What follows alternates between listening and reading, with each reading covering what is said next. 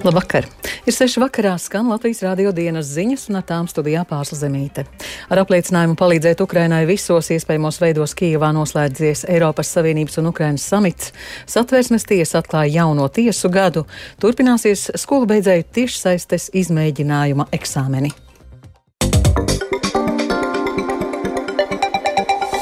Eiropas Savienība atbalstīs Ukrainu visos iespējamos veidos. Tā šodien Kievā noslēdzoties Eiropas Savienības un Ukrainas samitam uzsvēra gan Eiropas komisijas prezidente Urzula Fonderleina, gan Eiropadomas priekšsētājs Šarls Mišels.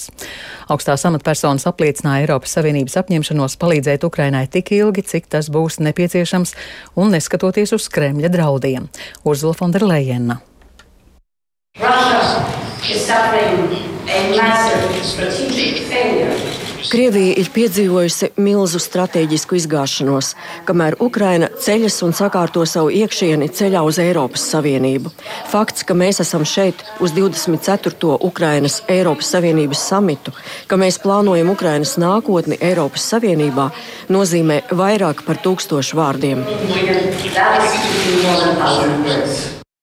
Lajina arī paziņoja, ka Ukrainas ātrākai atjaunošanai no Eiropas Savienības budžeta līdzekļiem varētu tikt atvēlēts miljards eiro.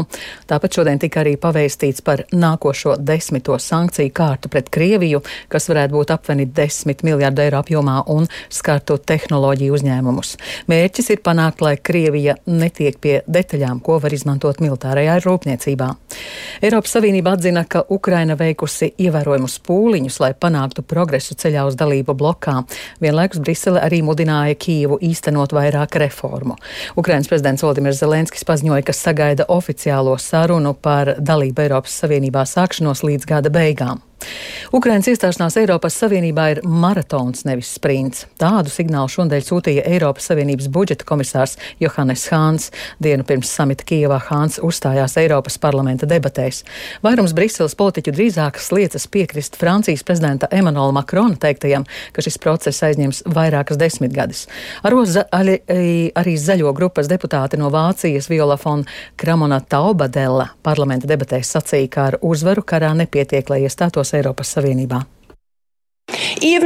War, Pat kara laikā Ukraina cīnās ar korupciju. Šo progresu tagad ir jāsistematizē un desmitkārtīgi jāpātrina. Eiropas sabiedrībām ir jābūt pārliecinātām, ka oligarhi, kas izmanto netīras schēmas, valdības amatpersonas, kas zog no armijas un tiesneši, kas apzog valsti, tiks godīgi un caurskatāmi notiesāti. Mediju brīvību nevar ierobežot pat kara laikā. Kopā mēs spēsim turēties pretī Krievijas imperialismam. Pēc Baltijas valstu premjerministru sanāksmes Tallinā šodien sacīja Latvijas ministru prezidents Krišjāns Kariņš no jaunās vienotības. Sanāksmē galvenais te, saruna temats bija starptautisko partneru atbalsts Ukrainai. Igaunijas premjerministrē Kaja Kallas uzsvēra, ka visi Krievijas agresijas atbalstītāji ir jāsauc pie atbildības. Tādēļ Baltijas valstis atbalsta starptautiskas izmeklēšanas sākšanu, kā arī iesaldēto Krievijas līdzekļu likšanu lietā Ukrainas atbalstam. Kalas arī nosodīja atļauju Krievijas sportistiem piedalīties Olimpiskajās spēlēs. Igaunijas premjerei pievienojās arī Lietuvas premjerministre Ingrīda Šimonīte, tāpat visu valstu valdību vadītāji akcentēja Baltijas energo neatkarību. Satversmes tiesa ar svinīgo sēdi šodien noslēdz aizgājušo un atklāja jauno tiesu gadu.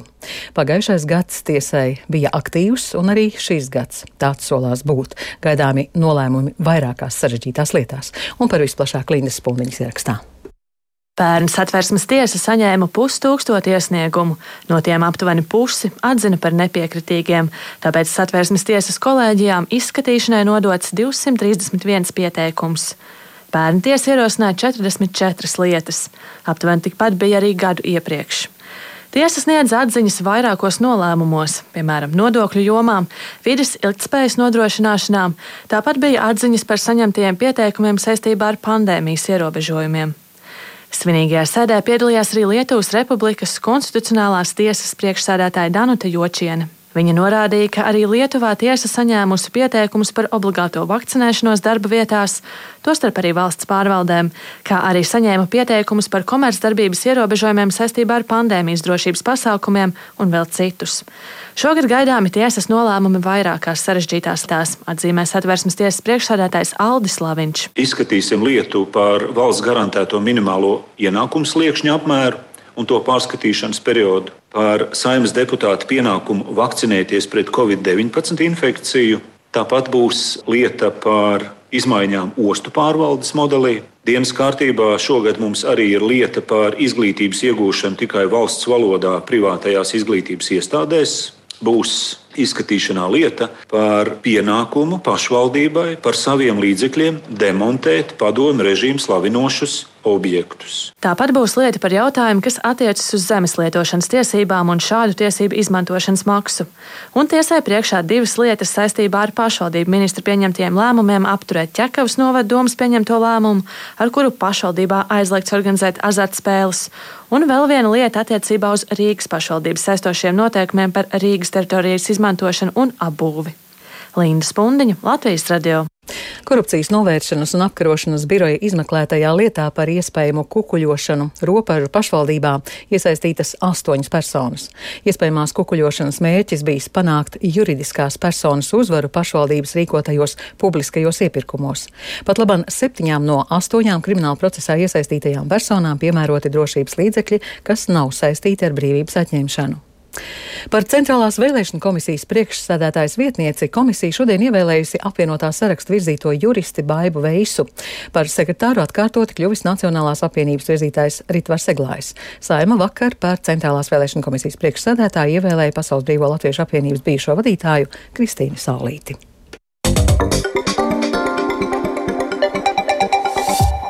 Šajā mācību gadā sākta pakāpeniska pāreja uz augstākā līmeņa valsts pārbaudes darbiem tiešsaistē.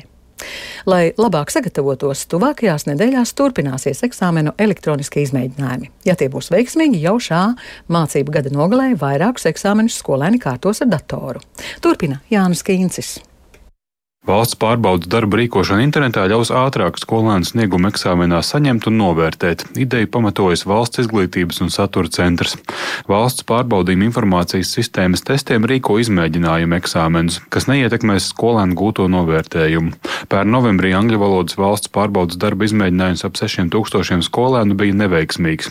Bija problēmas pieregistrēties un skolēnu uzdevumu lapas tā arī neieraudzīja. 20. decembrī ap 7000 skolēnu latviešu valodas eksāmenu eksāmena izmēģinājums notika kā plānots. Turpmākajās divās nedēļās izmēģinājuma eksāmeni notiks programmēšanā, geogrāfijā, kā arī kultūrā un mākslā.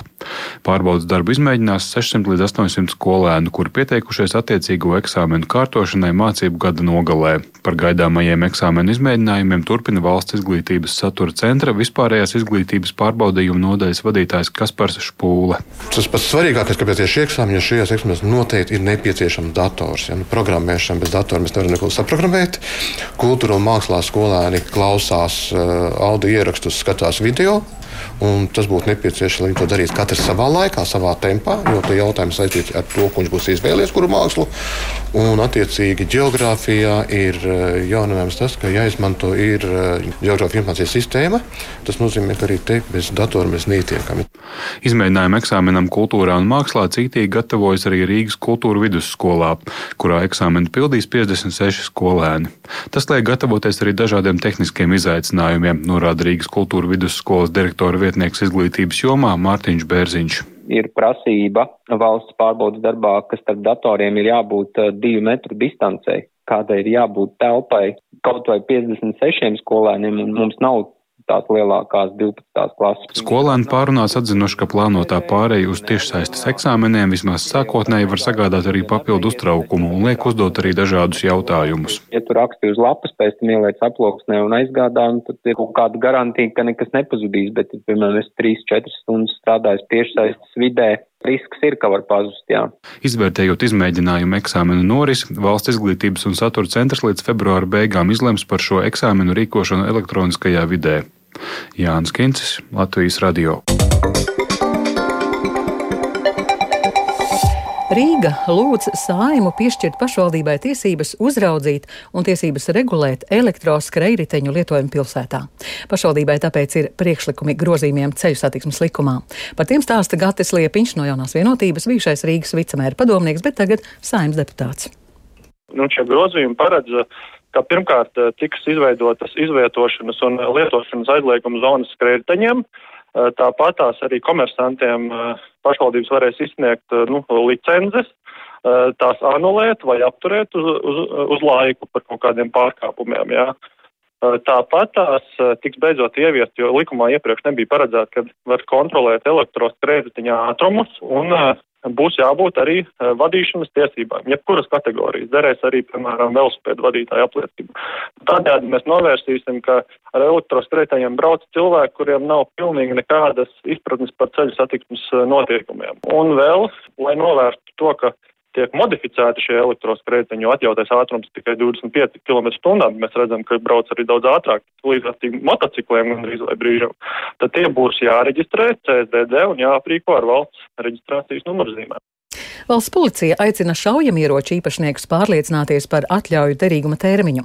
Ieroču glabāšanas, nēsāšanas un kolekcijas atļauju derīguma termiņš vairākos gadījumos ir līdz šī gada 14. septembrim. Tas ir saistīts ar ieroču aprites likuma pārejas noteikumiem no 19. gada aprīļa. Turpina valsts policijas pārstāve Līna Bagdone.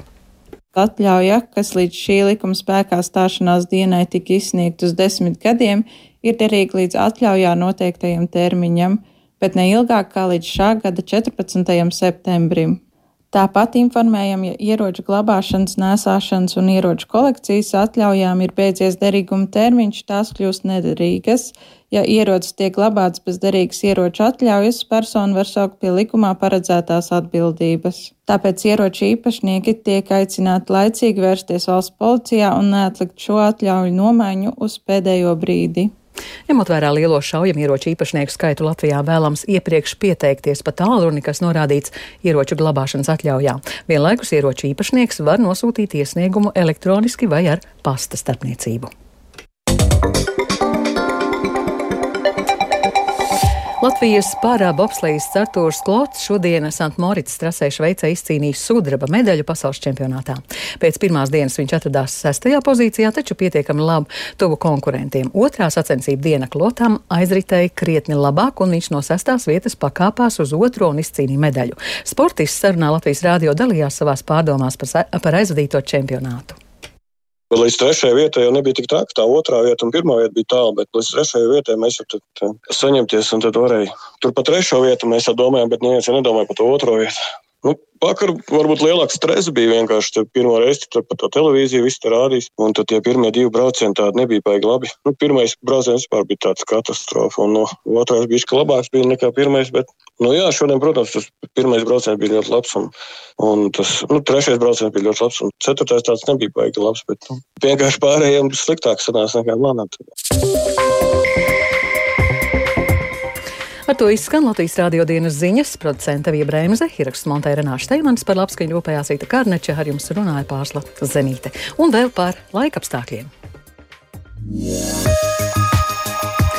Latvijas vidus geoloģijas un meteoroloģijas centrs informēja pat labam Rīgā mīnus 2 grādi, ziemeļaustrumu vējš 2 m2, gaisa spiediens 763 mm, gaisa relatīvais mitrums 85%.